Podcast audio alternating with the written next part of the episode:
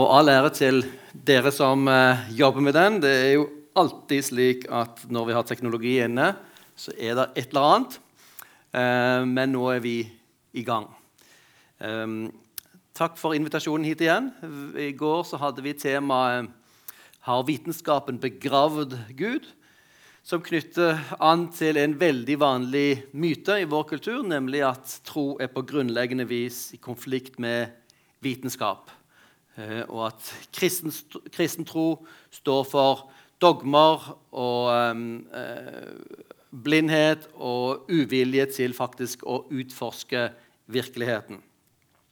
Det vi ikke snakket om i går, og som vi kunne begynt med, var, var, å spørre ja, Hvis du mener at vitenskapen står i konflikt med kristen tro, hvilken vitenskap er det egentlig du tenker på?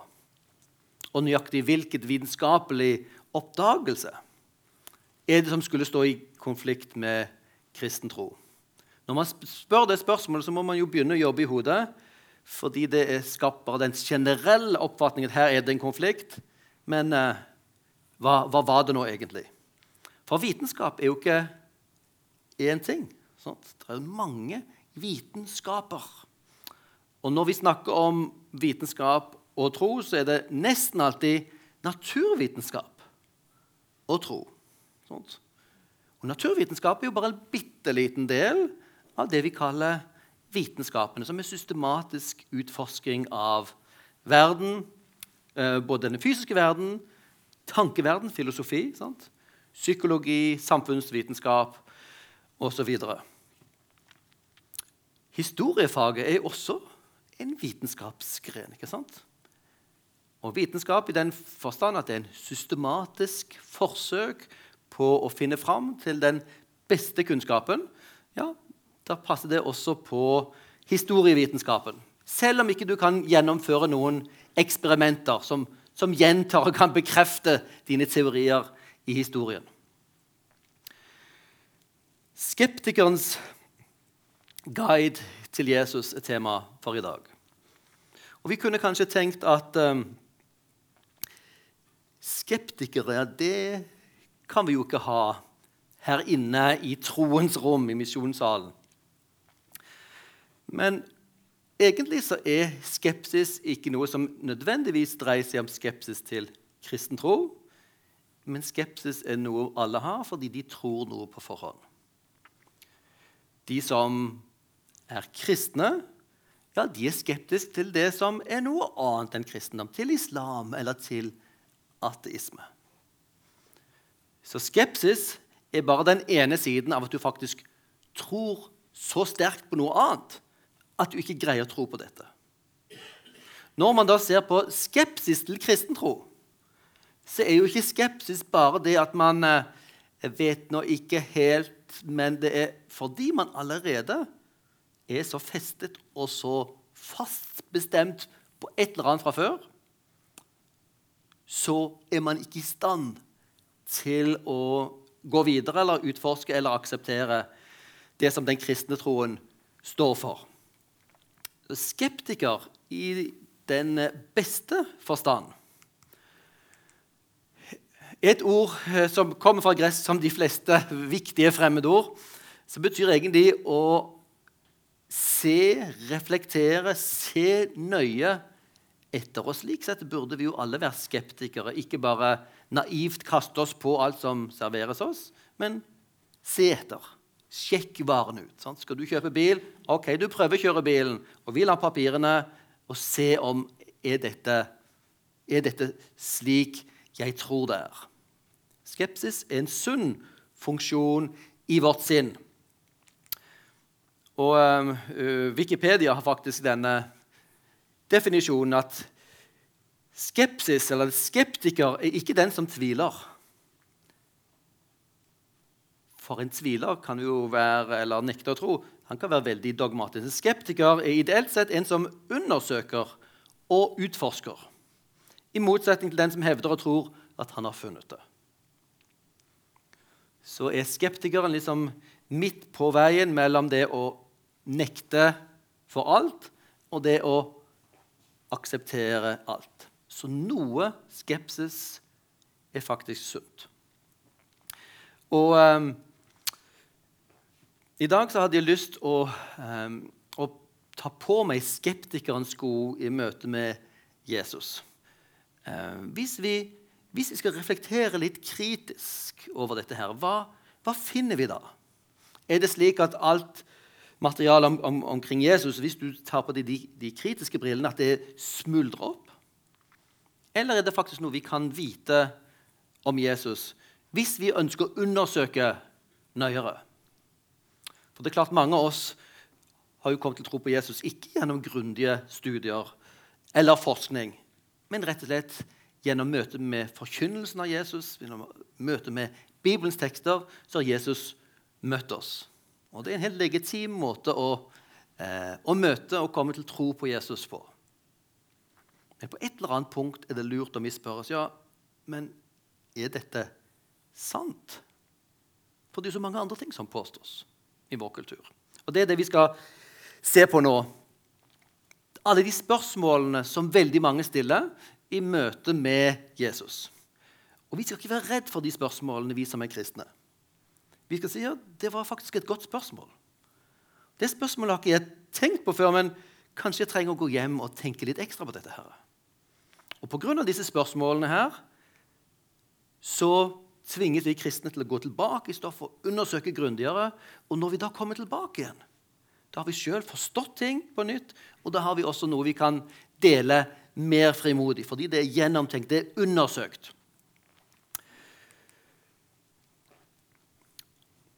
Det er en eh, skepsis til Jesus som er ganske vanlig i kulturen vår, og som vi finner uttrykk for bl.a. i Da Vinci-kodens skepsis til Bibelens Jesus.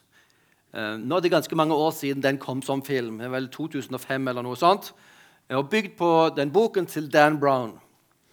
Og, og, og eh, den boken dreier seg jo om, om, et mord og mysterium og løsning av koder osv. Og, så og i sentrum av den fortellingen så er det en fortelling om hvem Jesus egentlig var. Og det som fortelles om den egentlige Jesus, som da Kirken holder, holder eh, nede og sørger for at ingen skal få vite om. Det er Jesus. Han var egentlig gift med Maria Magdalena. Og de fikk etterkommer. Og disse etterkommerne etter Jesus og Maria Magdalena de eksisterer faktisk i Europa i dag. Uh, og den, den Jesus som Bibelen forteller om, det er ikke den virkelige. Det er løgn, Jesus. Det er bedraget som Kirken har holdt på med i snart 2000 år. Og så er det liksom avsløringen som skjer her. Så her, en, her skapes det en grunnleggende skepsis til Bibelens Jesus. Det som var litt interessant når filmen kom, så var det en god del sånne film, filmanmeldere som skrøt av denne filmen. Det er en actionfilm det er en god fortelling. Eh, jeg tror selve boken ikke er så veldig høy litteratur. Den har solgt helt enormt. Men det er en spennende fortelling. Og så var det noen av filmanmelderne som fikk seg til å si bl.a. en i Fedrelandsvennen.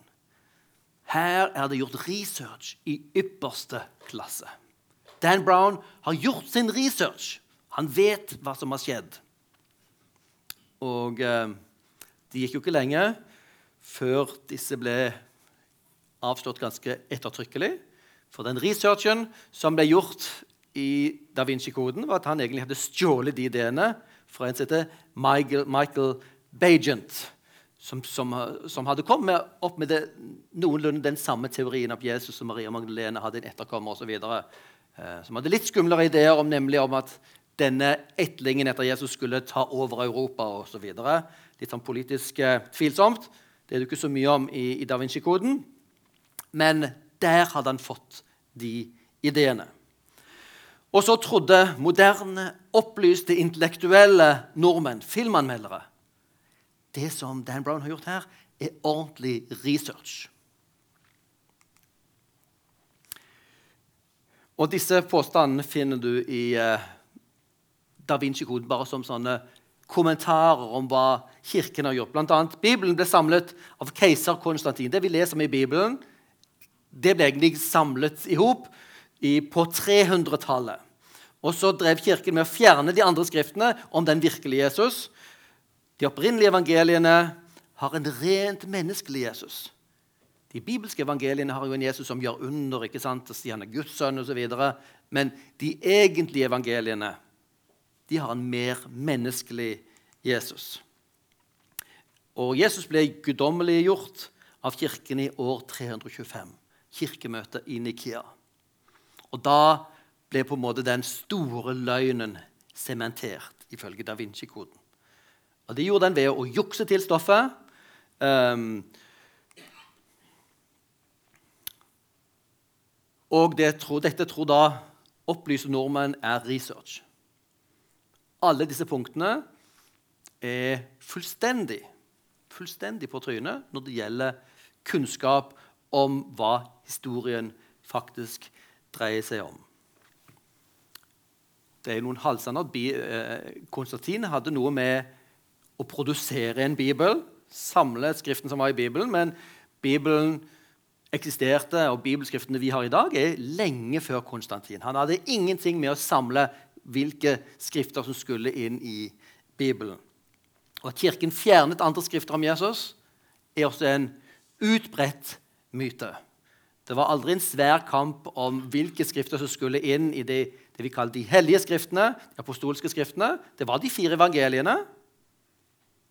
Og så fins det andre såkalte evangelier som aldri er blitt ansett som, som apostoliske av Kirken. Når de gikk gjennom spørsmålene om hva, hva, hvilke evangelier er det som skal gjelde, hvilke kommer fra apostlene.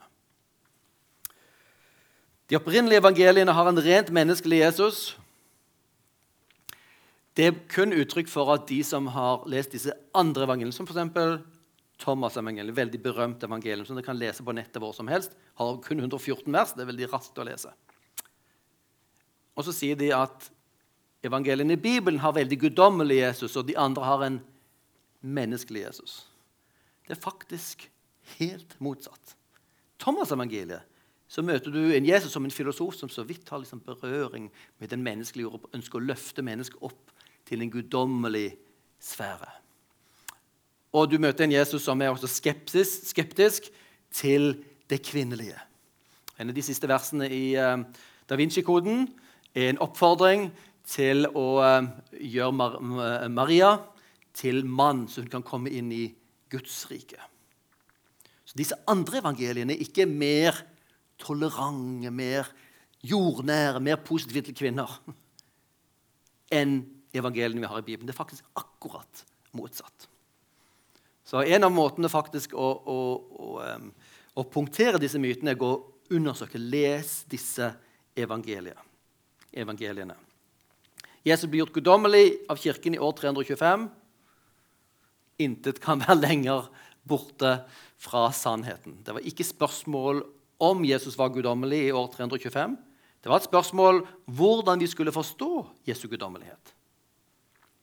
Og der ble det et vedtak med vet ikke hvor mange, 300 stemmer mot to, som sa at Jesus, ja, alle var enige om at Jesus var guddommelig. Men de to stemmene var, var eh, Arius og en kamerat som mente ja, Jesus var guddommelig, men han var ikke fra evig tid. Gud hadde skapt Jesus, selv om han var guddommelig. Og det ble kraftig nedstemt, denne arianske vranglæren som Jehovas vitner står for i dag. Jesus var guddommelig, det finner vi helt tilbake det er sett på som guddommelig, helt tilbake de aller eldste kildene vi har. Paulus sine brev fra 50-tallet. Og de tingene som Paulus skriver, er veldig tydelige. Han henviser til ting som han har undervist ham før, og som han selv har overtatt fra apostlene. Så vi er tilbake faktisk på, på 30-tallet.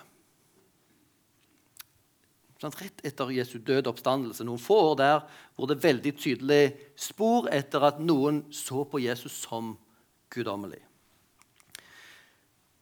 Da Vinci-kodens skepsis er basert på myter og misforståelser. Her ser man at den skepsisen som i Da Vinci-koden sås mot Bibelen Man burde ha skeps, skeptis, skepsis til Da Vinci-koden også. Fordi den sprer myter. Så poenget her er skal vi være sunne skeptikere undersøk. Undersøk. La oss hoppe litt raskt videre. Vi skal ikke se på den um,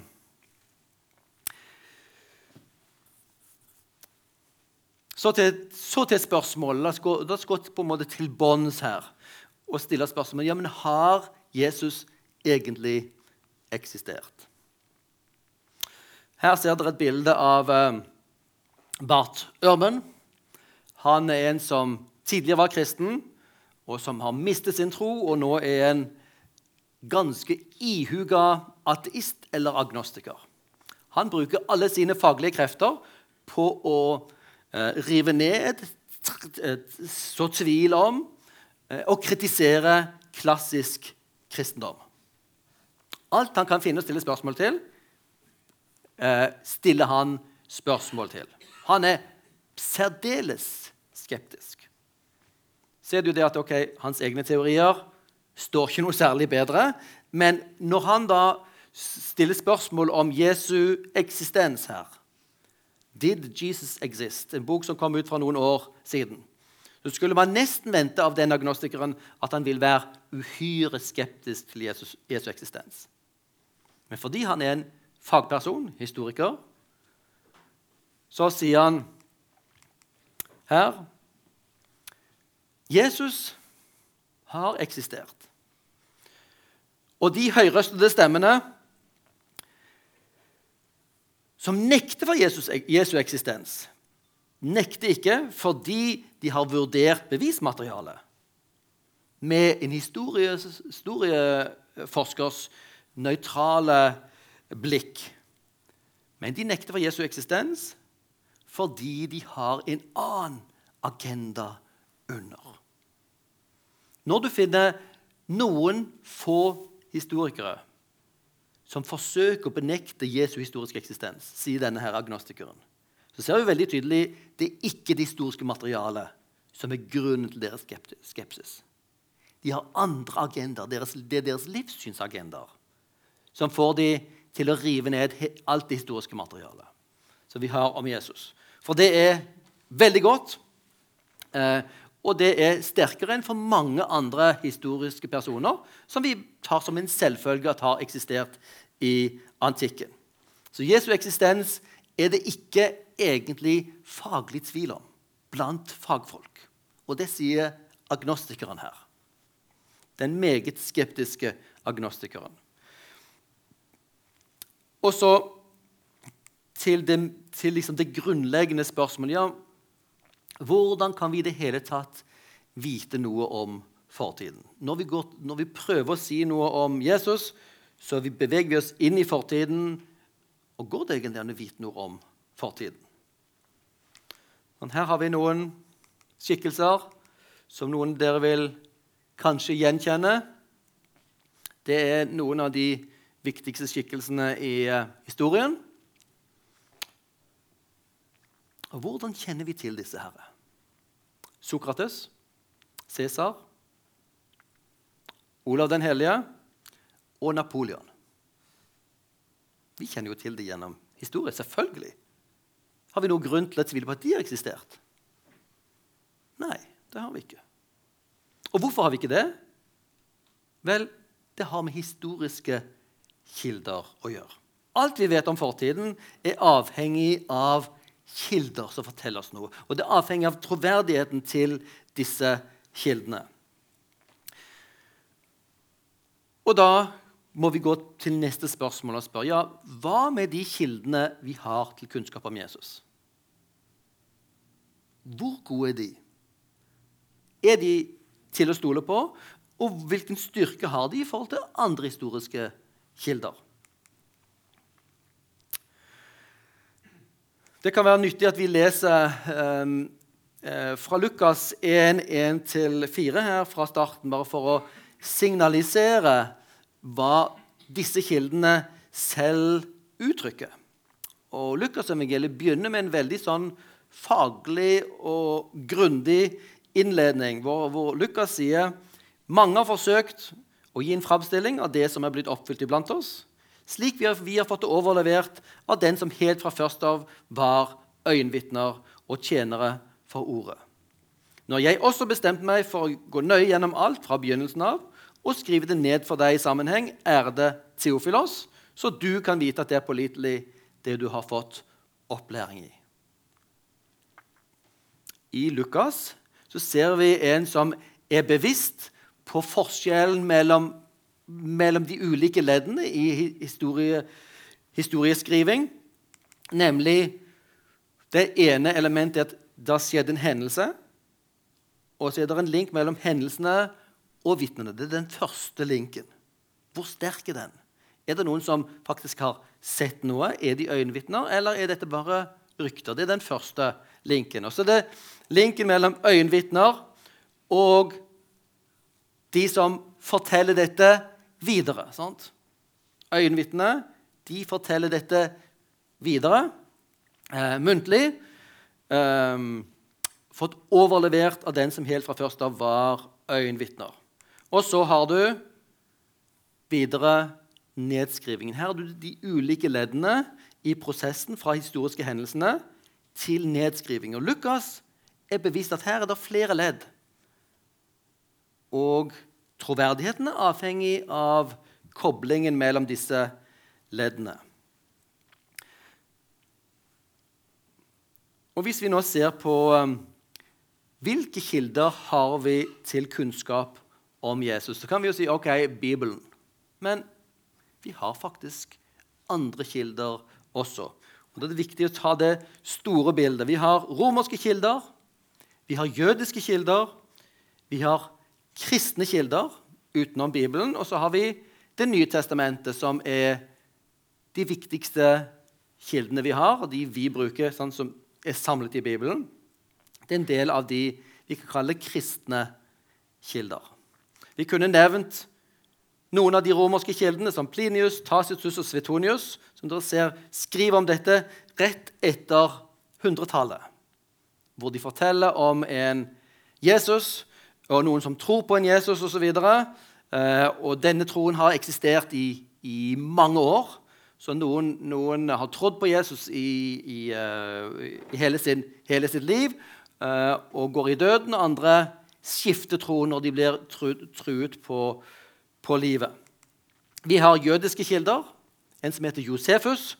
Flavius Josefus, som skrev rundt år 90. Han var med på den jødiske krigen, ble tatt til fange men var intellektuell og kunnskapsrik, ble tatt til Rom og ble en, uh, ble en historieskriver for dem. Han forteller om jødenes historie, og mye av det vi vet om jødenes historie, har vi faktisk fra Josefus. Han nevner Jesus flere ganger i sitt verk. Talmud er jo eh, jødiske muntlige overleveringer som er blitt skrevet ned. Skrevet ned kanskje på 200-300-tallet, men de går tilbake langt i historien, til både Jesu tid og før her. Eh, og vi finner noen sitater som forskerne nå er ganske enige om at dette dreier seg om den Jesus som vi snakker om i evangeliene. Eh, og det er, det er korte utsagn og uttalelser som er veldig negative til, til, den Jesus som de kristne tror på.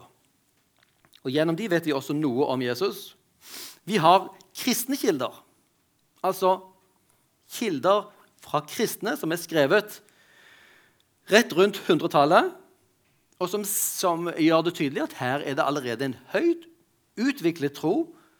Uh, de har biskoper, altså prester og biskop, de har uh, menigheter med folk som er valgt inn som, uh, som ansvarlige og som ledere. du har et aktivt gudstjenesteliv. Ignatius var en uh, biskop som uh, ble tatt til fange og ble henrettet i Rom. På vei til sin henrettelse i Rom. Uh, han er visst den eneste kristne martyren som vi vet er drept i Colosseum. De andre martyrene som vi har hørt om, de ble visstnok drept i er det Circus Maximus det heter i Rom. Men han endte sitt liv altså i Colosseum. Den bygget som vi kan se noe spor av i dag. På vei til sin død så skrev han brev til menighetene langs veien der hvor han visste han ville komme. Og En av de tingene han skrev om, var at jeg ber dere innstendig om ikke trygle meg om å avsverge min tro eller formildne noen ting. For jeg ønsker å ofre mitt liv som et offer, som et offergave til Gud. Og Vi ser Han snakker veldig mye om innholdet i kristen tro, om Jesu død, forsoningsdød, oppstandelse osv. Og, og han har da allerede vært troende i mange, mange tiår. Og så har vi også Det nye testamentet. Det er også kilder. Det som er en utfordring for oss i dag, er at uh, man snakker om er det, er det, ja, er det Bibelen. Ja, da er det jo et religiøst skrift, ikke kilder. Men det slutter ikke å være historiske kilder fordi om du samler dette i en bok og kaller det Bibelen. Så historikere, når de forholder seg til Jesus, så går de til evangeliene som om dette var historiske kilder. Ikke som det var inspirerte brev og skrifter, men som historieskrifter. Og vi har i Nytestamentet Paulus sine brev, som synes å være det aller eldste stoffer helt fra 40-tallet og inn på til 60, eh, som ligger veldig nært. Ikke sant? Dette, dette, er bare 30 år, det er underkant av 30 år etter eh, ja, 30 år, Det er jo fra, fra 20 til 30 år ikke sant? etter Jesus døde og sto opp igjen. Det er veldig tett på hendelsene. Og her vet vi, I Paulus vet vi at vi har å gjøre med en som tidligere var enormt sterkt fiendtlig innstilt mot kristne, og som snudde helt om og ble den fremste misjonæren, den fremste kristne tenkeren. Uhyre interessant å se hva han skriver. Og det er jo slik at, at eh, Når det gjelder Paulus sine brev, så er det jo sånn i, i forskningen så, er man alltid skeptisk og vurderer. og Kan vi være sikre eller vi ikke helt sikre?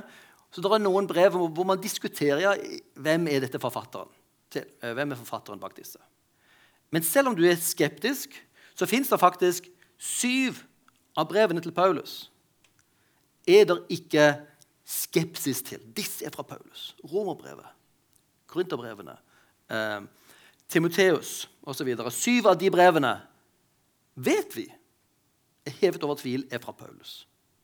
Og det i seg selv er uhyre interessant. De går helt tilbake til kort tid etter Jesu eget liv og gir oss en del stoff om hvert fall den kristne troen Paulus sier faktisk ikke så mye om Jesus. Sant? Han sier noe, ikke så mye om den historiske Jesus. Eh, men det var jo fordi at han forutsatte at, dette var kunnskap de allerede hadde. Og det var ikke det han sendte brevene sine for. Men han sendte brevene nesten alltid for å korrigere misforståelser som hadde oppstått i menighetene. Og så har vi evangeliene, som man diskuterer tidspunktet for forfattelsen. Men i dag er det ganske ganske brei enighet om at de er skrevet mellom år 60 og 80-90. Hvis du er liksom litt, litt, liberal og skeptisk av det, så skyver du det opp til mot uh, eh, 80-90. Hvis du er litt mer uh, konservativ i teologien, så argumenterer du for litt tidligere, fra 60, 70, uh, 75. Men, men, dette er et spekter som, som forskere da bredt sett er enige om. Det er ikke uh, det er ikke stor tvil om disse her. Så har du Johannes evangeliet, som da er litt, uh, litt seinere. Um, som også er en, en, av kildene til Jesus. Um, men her ser vi vi har et bredt spekter av kilder til kunnskap om Jesus. Og Skal du være skeptiker her, så er det jo altså ikke nødt så det er ikke nok å bare si at nei, vi tror jo ikke på Bibelen. Selv om det er ikke fair å gjøre. Du må forholde deg til materialet som også finnes i denne her boken, hvis det er et materiale som har historisk troverdighet. Men det er et bredt spekter av kilder til kunnskap om Jesus og hans eksistens, og hvem han var. Vi skal et, bare, høre på et eksempel på, en, på Tacitus. Eh, han, han, sender stadig brev til Han, han er da eh, historieskriver Um, det er Plinius som skriver brev. Han her er en historieskriver som forteller litt om, om, hva som skjedde rundt Nero. Han keiser Nero, den skrekkelige, skrekkelige keiseren. Um, og hans fortelling om hva som skjedde i Rom, den store brannen, var at det var Nero selv. Han hadde ønske om å utvide palasset sitt. Og så var det et område i Rom det var litt sånn sjuskete, og som han da gjerne skulle hatt. Og så ble det startet en brann der. Og så begynte folk litt om å mm, Er dette her eh, Nero? Og da for å på en måte vaske sine hender, så sørget han for å ta en gruppe, beskylde de, de har satt i gang denne brannen. Og det rammet da de kristne. For å bli kvitt ryktet, forteller Tacitus her, la Nero skylden på en klasse som var hatet av alle for sine avskyelige skikker. Merk det, han er, han er ikke positiv til kristendom i det hele tatt. Og vi kan begynne å tenke, ja, Hva er de avskyelige skikkene? Jo, Det gikk jo rykter om hva disse her kjærlighetsmåltidene var for noe. Nattverden. Kjærlighetsmåltid. Det er måltider som bringer sammen alle lag av folket, som kommer sammen som likemenn rundt et bord. Kvinner og menn, slaver, rikmenn, ulike etniske grupper. Det er helt unikt. Ingen hadde sett dette før i historien. Og så, så, så spiste man Jesu blod, legeme og blod. Dette høres ut som kannibalisme. Disse avskyelige skikkene kalt kristne av folket og utsatte dem for de mest utsøkte pinsler. Kristus, som har gitt navnet til denne gruppen, led dødsstraff under Tiberius' tid som keiser ved en av våre egne prokuratorer, Pontius Pilatus. Denne høyst ondsinnede overtro som ble slått ned for en tid, brøt ut igjen. Sånn, I forbifarten, når han forteller om det som skjedde i Rom, så må han ja, hvem er disse kristne? Jo, han ble henrettet under, mens Tiberius var keiser, under Pontius Pilatus. Okay? Bekrefter helt klart den, den, fortellingen vi har allerede fra evangeliene. Og sant, Pilatus forsøkte å slå ned den overtroen, sånn som romerne hadde gjort og lykkes med i mange ganger. Disse som forsøkte å, å fremme seg sjøl som Messias-kandidater, de hadde én etter én blitt jagd og henrettet av romerne. Det skjedde også med Jesus. Det er merkelig med Jesus at etter han var henrettet, så oppsto bevegelsen igjen med en helt ny glød. Skiller seg fra alle de andre jødiske messiasene som vi kjenner til bl.a. gjennom Josefus. Og Det er den gruppen som da kom til Rom og begynte å vokse, så folk gjenkjenner de, og som folk er skeptiske til fordi dette var fremmed og rart, og som da Nero finner ut La oss gi de skylden. Sånt. Dette er litt retorikken som brukes om innvandrere og muslimer. Det er sikkert muslimene. Eh, som er ganske skummel retorikk. Eh, og Det betyr ikke det at islam er en ufarlig religion, men det kan brukes veldig ondt mot mennesker. Um, sånne generaliseringer. Det opplevde de kristne under Nero. Men så er vi da eh, skeptikere. Så kan vi si ja, men skulle ikke vi hatt mye flere kilder?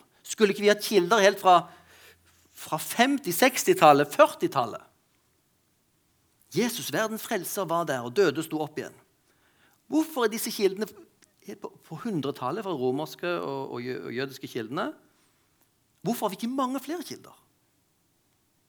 Vi har så få kilder, er det noen som sier. Men når du så listen der, sant, så er det ikke så veldig få. men De skriver jo ikke så veldig mye om Jesus verdig, men de henviser til han som en kjent sak. Det vi må huske på at Når vi studerer historie, er at det meste av spor fra historien er vekke. Det meste av litteratur som er skrevet, er også borte. Vi kan ikke sitte og bestemme oss for hvor mye vi ønsker. Og Det som også er litt interessant, at, at vi har mye mer kunnskap og skriftlig materiale fra romertiden enn vi har fra, fra 2000 år tilbake. Sant? Enn vi har fra vår egen vikingtid. For vikingtid da drev de ikke og skrev så mye. Vi har Snorre, som kom litt god tid etter vikingtiden. Det var litt kunnskap, men vi vet ikke mye konkret om hva som skjedde der. Veldig få kilder. Og vi har faktisk mye mer kilder fra antikken. Vi kan ikke styre og bestemme hvor mye kilder vi vil ha. Vi vil ikke tro på Olav den hellige fordi vi har bare så få kilder. Kan, vi kan ikke sitte og bestemme det. Vi må vurdere de kildene vi har, ta de på alvor, én etter én. Vi må arbeide med det vi har. Og vi må stille oss spørsmålet ja, ok, Hvis vi ser for oss denne fortellingen om Jesus fra Nasaret, hva er det naturlig å forvente? Hvis du har en predikant fra bygdene oppe i nord i Galilea, som er et, en krinkelkrok av, av, det romerske universet som ingen bryr seg om i Rom. En predikant der som gikk rundt og fikk en del tilhengere. Han ble henrettet som en ussel slave og landssviker noen få år etterpå. Hvorfor skulle de i Rom si fantastisk, dette her var jo kjempeinteressant? De drev jo korsfesta folk hele tiden rundt omkring. Det var stadig ting som måtte ryddes opp i. Hvorfor skulle noen i Rom skrive om en landsens predikant som ikke de forsto noe ting av hva sa i det hele tatt? Hva er det naturlig å forvente? Hvis Jesus var en galilesk predikant som ikke ville være relevant å lytte til for noen, verken grekere eller romere. Det er ikke slik at sånn som, sånn Det bildet som noen av oss har av Jesus å, Han var så unik at det liksom lyste ut over hele Romerriket. Nei, man kunne ikke se hans herlighet. Det var de som var nærme han, og som fikk tid til å lytte til han, og som fikk være vitne til hans oppstandelse, som så hans herlighet. ikke sant? Den herlige Jesus har, ikke noe som, som slår ut på, på, på liksom jordskjelvskalaen. Så han er fortsatt, i både jøders og romerske eh, øyne, en mislykket predikant. Mislykket opprører. Hvorfor skulle romere skrive om noe sånt? Hvorfor skrive om han i Rom? De hadde ingen grunn til å gjøre det. Før den kristne bevegelsen vokste, og navn, Jesus-navnet ble kjent og beveget seg Det kom jo kristne til Rom ganske raskt etter, eh, etter Jesu oppstandelse og pinsedag. Så beveget den kristne troen seg ganske raskt. Og så ble det gruppene større, og så begynte folk å bli kjent med de, ja, her, denne rare gruppen her som ikke vil tilbe keiseren. Hvem er dette? Og de har helt nye måter å være sammen på. Og de respekterer ikke våre guder. Så ble det en, usikkerhet, så ble det mistro. Er disse farlige? Og Hvis du leser Lukas' eh, evangeliet og apostlenes gjerninger samlet, så kan du se på disse to skriftene er skrevet for å forsvare kristne mot anklagen om at kristne driver hele tiden med å drive, uh, gjør opprør og lage uro. Det var det som skjedde med Paulus. Det var det som skjedde mange steder rundt der hvor de kristne kom. Folk ble sinte på dem. Først var det jødiske grupper. Sant? Paulus ble stadig kjeppjaget av de jødene som ikke ville ha han. Og så ble folk mistrodd av andre, av hedninger, sant? når de kristne ikke passet inn i den forfalne kulturen, men skilte seg ut. Og så ble kristendommen kjent som gruppe.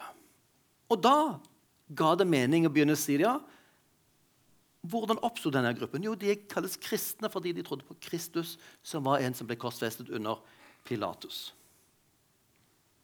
Så For en som skriver historie om Rom, gir det ikke mening å skulle snakke om landsbypredikanter. De vil snakke om hva som er viktig. Og det blir viktig kun når den kristne bevegelsen begynner å berøre den historien de vil fortelle, f.eks. om keiserne.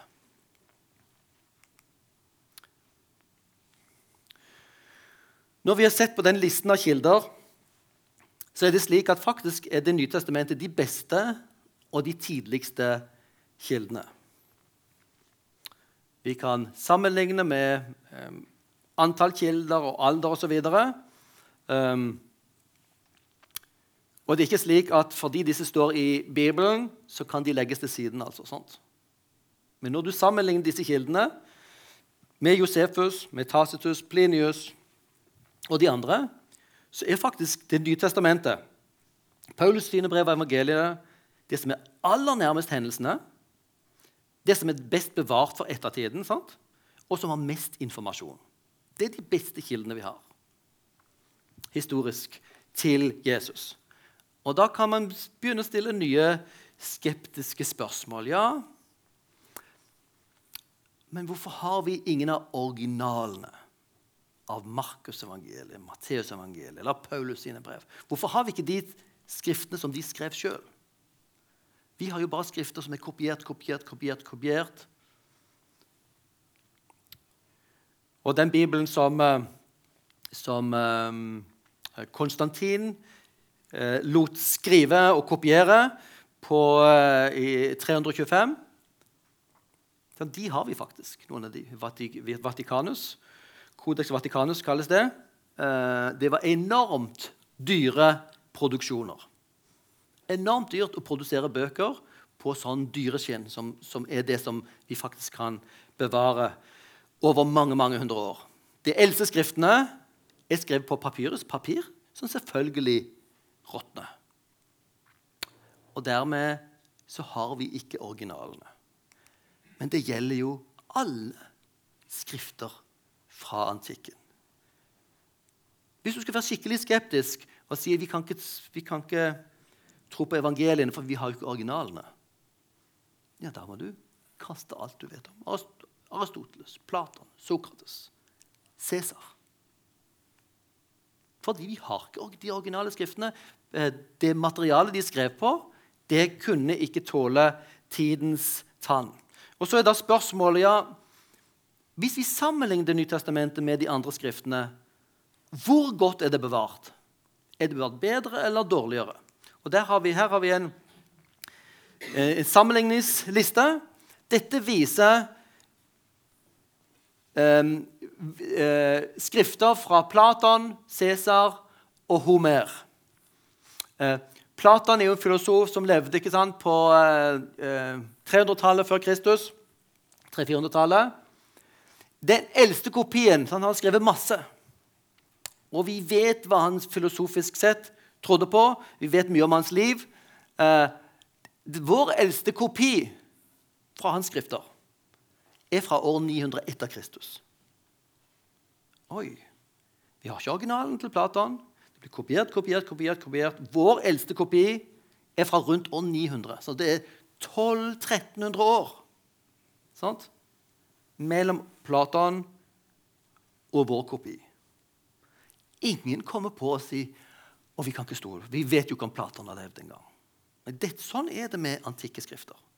Det blir kopiert, og så er det satser vi på at de er kopiert rimelig bra. Det er ingen, ingen stor diskusjon i forskningen omkring Platon om vi, om vi kan akseptere disse skriftene. Selvfølgelig. Dette er skriftene fra Platon. Kan det være noen feilskrifter og litt skrivefeil, og sånt, som det alltid er i kopiering, men det er ikke noe problem i det hele tatt. Cæsar levde jo rett før Kristus. Uh, Julius Cæsar Igjen, De eldste skriftene vi har fra hans uh, fortellinger om sine kriger i Gallia og, og sant, han var i England, de er også fra 900. Så det er rundt 950 år mellom hans original og kopiene vi har. Ingen tvil om det er hans sine skrifter. Homer er litt spesielt. Han skrev jo Iliaden og Odysseen. Um, uh, disse skriftene som var nesten som religiøse, nesten som bibler for folk den, i den gresk, greske kultursfæren. Og vi har faktisk noen biter av Homer sine skrifter fra 400 før Kristus. Ganske fantastisk at de faktisk er bevart. Jeg vet ikke hva slags type skrift det kunne være, og hva slags type materiale det kan være. Men dette var de som ble lest nesten som en bibel eh, i den greske kultursfæren. Og Vi ser her 800 før Kristus til 400 før Kristus er det kun 400 år. Dette er ganske sensasjonelt. Og så har vi over 600 kopier. Så her oppe så har vi syv, syv kopier, ti kopier av Cæsars skrifter og over 600 av Homer. Sånn er det vår kunnskap om antikken foreligger. Vi er heldige som har skriftene.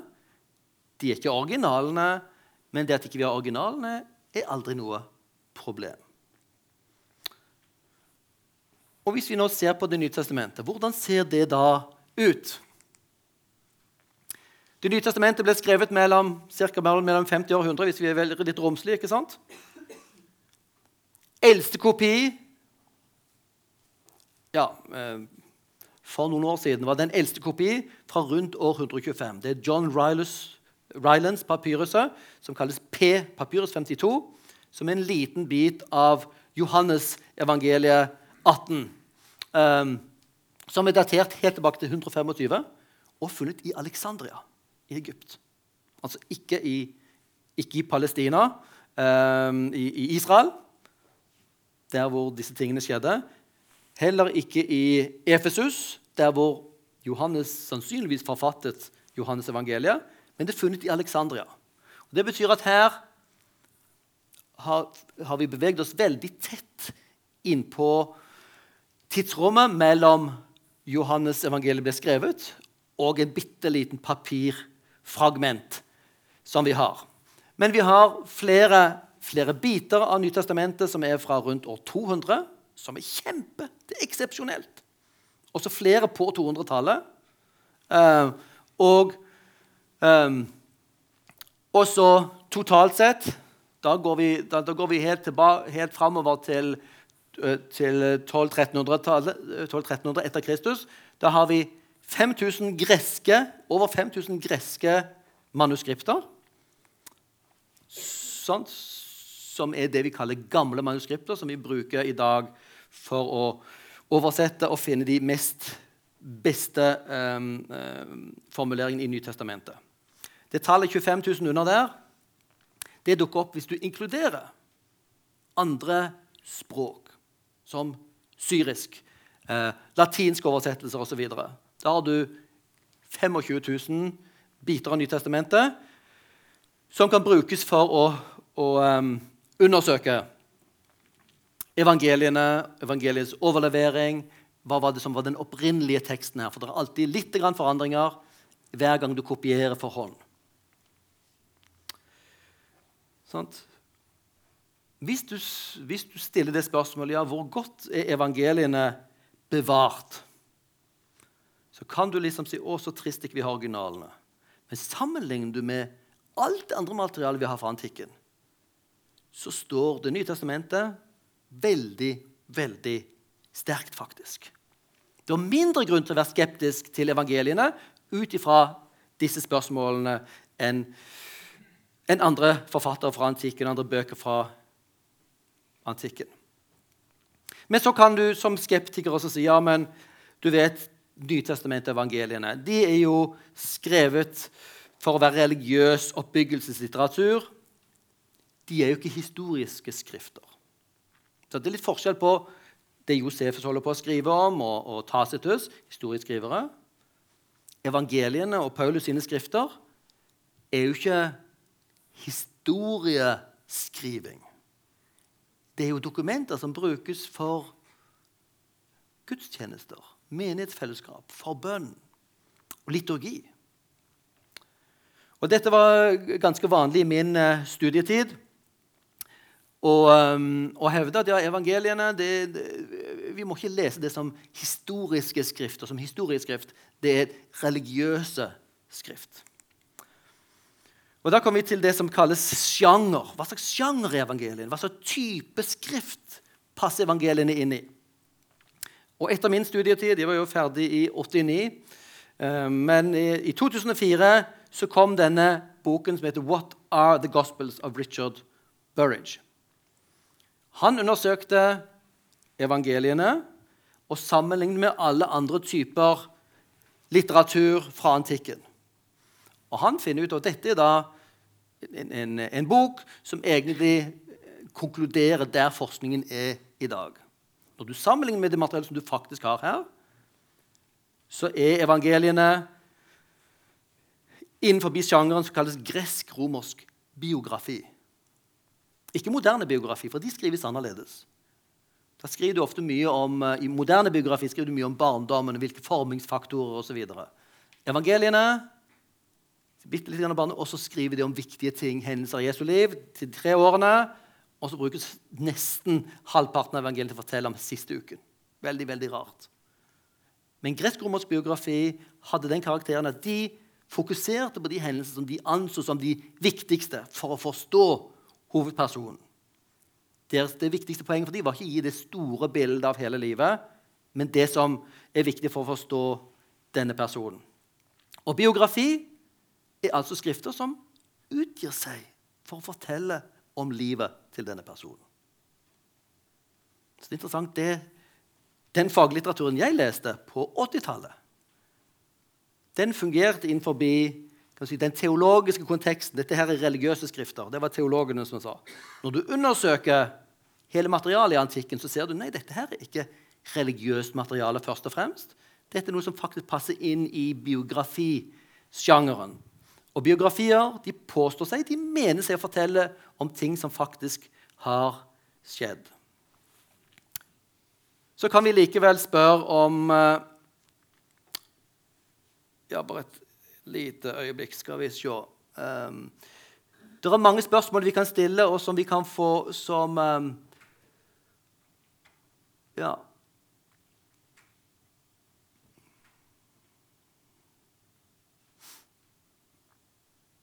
Vi hopper litt, hopper litt fram her. Mm. Jeg tror vi går, eh, går her.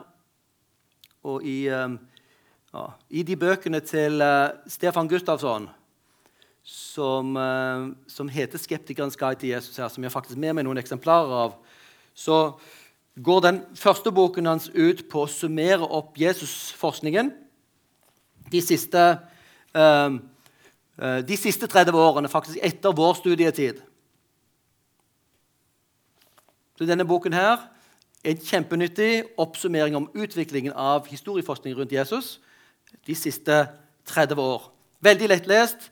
En, eh, er det 30 kapitler, eller noe sånt, så det er veldig korte kapitler. Det er alltid en god ting i forhold til vår tids ungdom, som gjerne vil det kort. Litt lengre enn tweet, tweets, men veldig lettlest. Og der er da er det ti videoer på nettet på Snakk om tro, nettsiden vår, som hjelper oss å lese stoffet. Her, Den andre boken her tar opp spørsmålet ja, hva kan vi si om Jesus' Jesu identitet. Hvem var Jesus? Hvis vi, hvis vi, gjør oss bruk av historieforskning. Og hva kan vi si om Jesus' Jesu oppstandelse? Med historiske argument. Eh, hvor man ikke tar noe for gitt, men bruker skeptikerens blikk til å stille de vanskelige spørsmålene. For å eh, eh, konkludere eller gi dere noen knagger som styrker evangelienes troverdighet som historie, historiske skrifter, så er det for, første, for det første at disse evangeliene ble skrevet mens øyenvitner enda levde. De er skrevet så tett opp til hendelsene at det gjør de troverdig. Mer troverdig enn det som veldig mange historikere gjør. Når de skriver for om Cæsarene, så går det 100 eller 200 år før historikeren skriver noe. De skriver tilbake 100 og 200 år.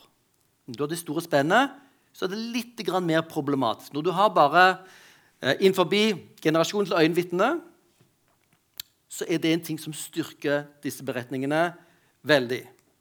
De ble til i et fiendtlig miljø. Det var ikke slik at alle oppmuntret de kristne. Er så fantastisk. De vil gjerne også tro på Jesus. Nei, de ble kjeppjaget fra Jerusalem. De som var nærmest de i tro, jødene, de første kristne var jo jøder, de ønsket ikke Jesus, og de vil bruke alle midler for å kvele denne troen. Det representerte jo Paulus. At disse evangeliene ble skrevet og spredt rundt i et miljø hvor folk ønsket å kvele denne bevegelsen. Det er en ting som styrker troverdigheten, fordi vi vet at folk ønsket å trekke dette i tvil hvis de kunne. Når vi, leser, når vi leser um, evangeliene, så finner vi masse lokalkunnskap om geografi og kultur. Fariseere, eksisterte de? Ja. Betestadamen i Johannes 5, som for, for 150 år siden var jo de liberale teologene helt avgjorte på at dette bare er myte, viser et Johannes evangeliet, ikke historisk. Og så fant man Betestadam. Dere har sikkert vært og sett den i Jerusalem i dag, med fem søyleganger. Det er enorme detaljer i evangeliene som kan bekreftes. Dette er disse evangeliene har kunnskap. Det er ikke eh, fortellinger som er helt løsrevet fra den historiske konteksten.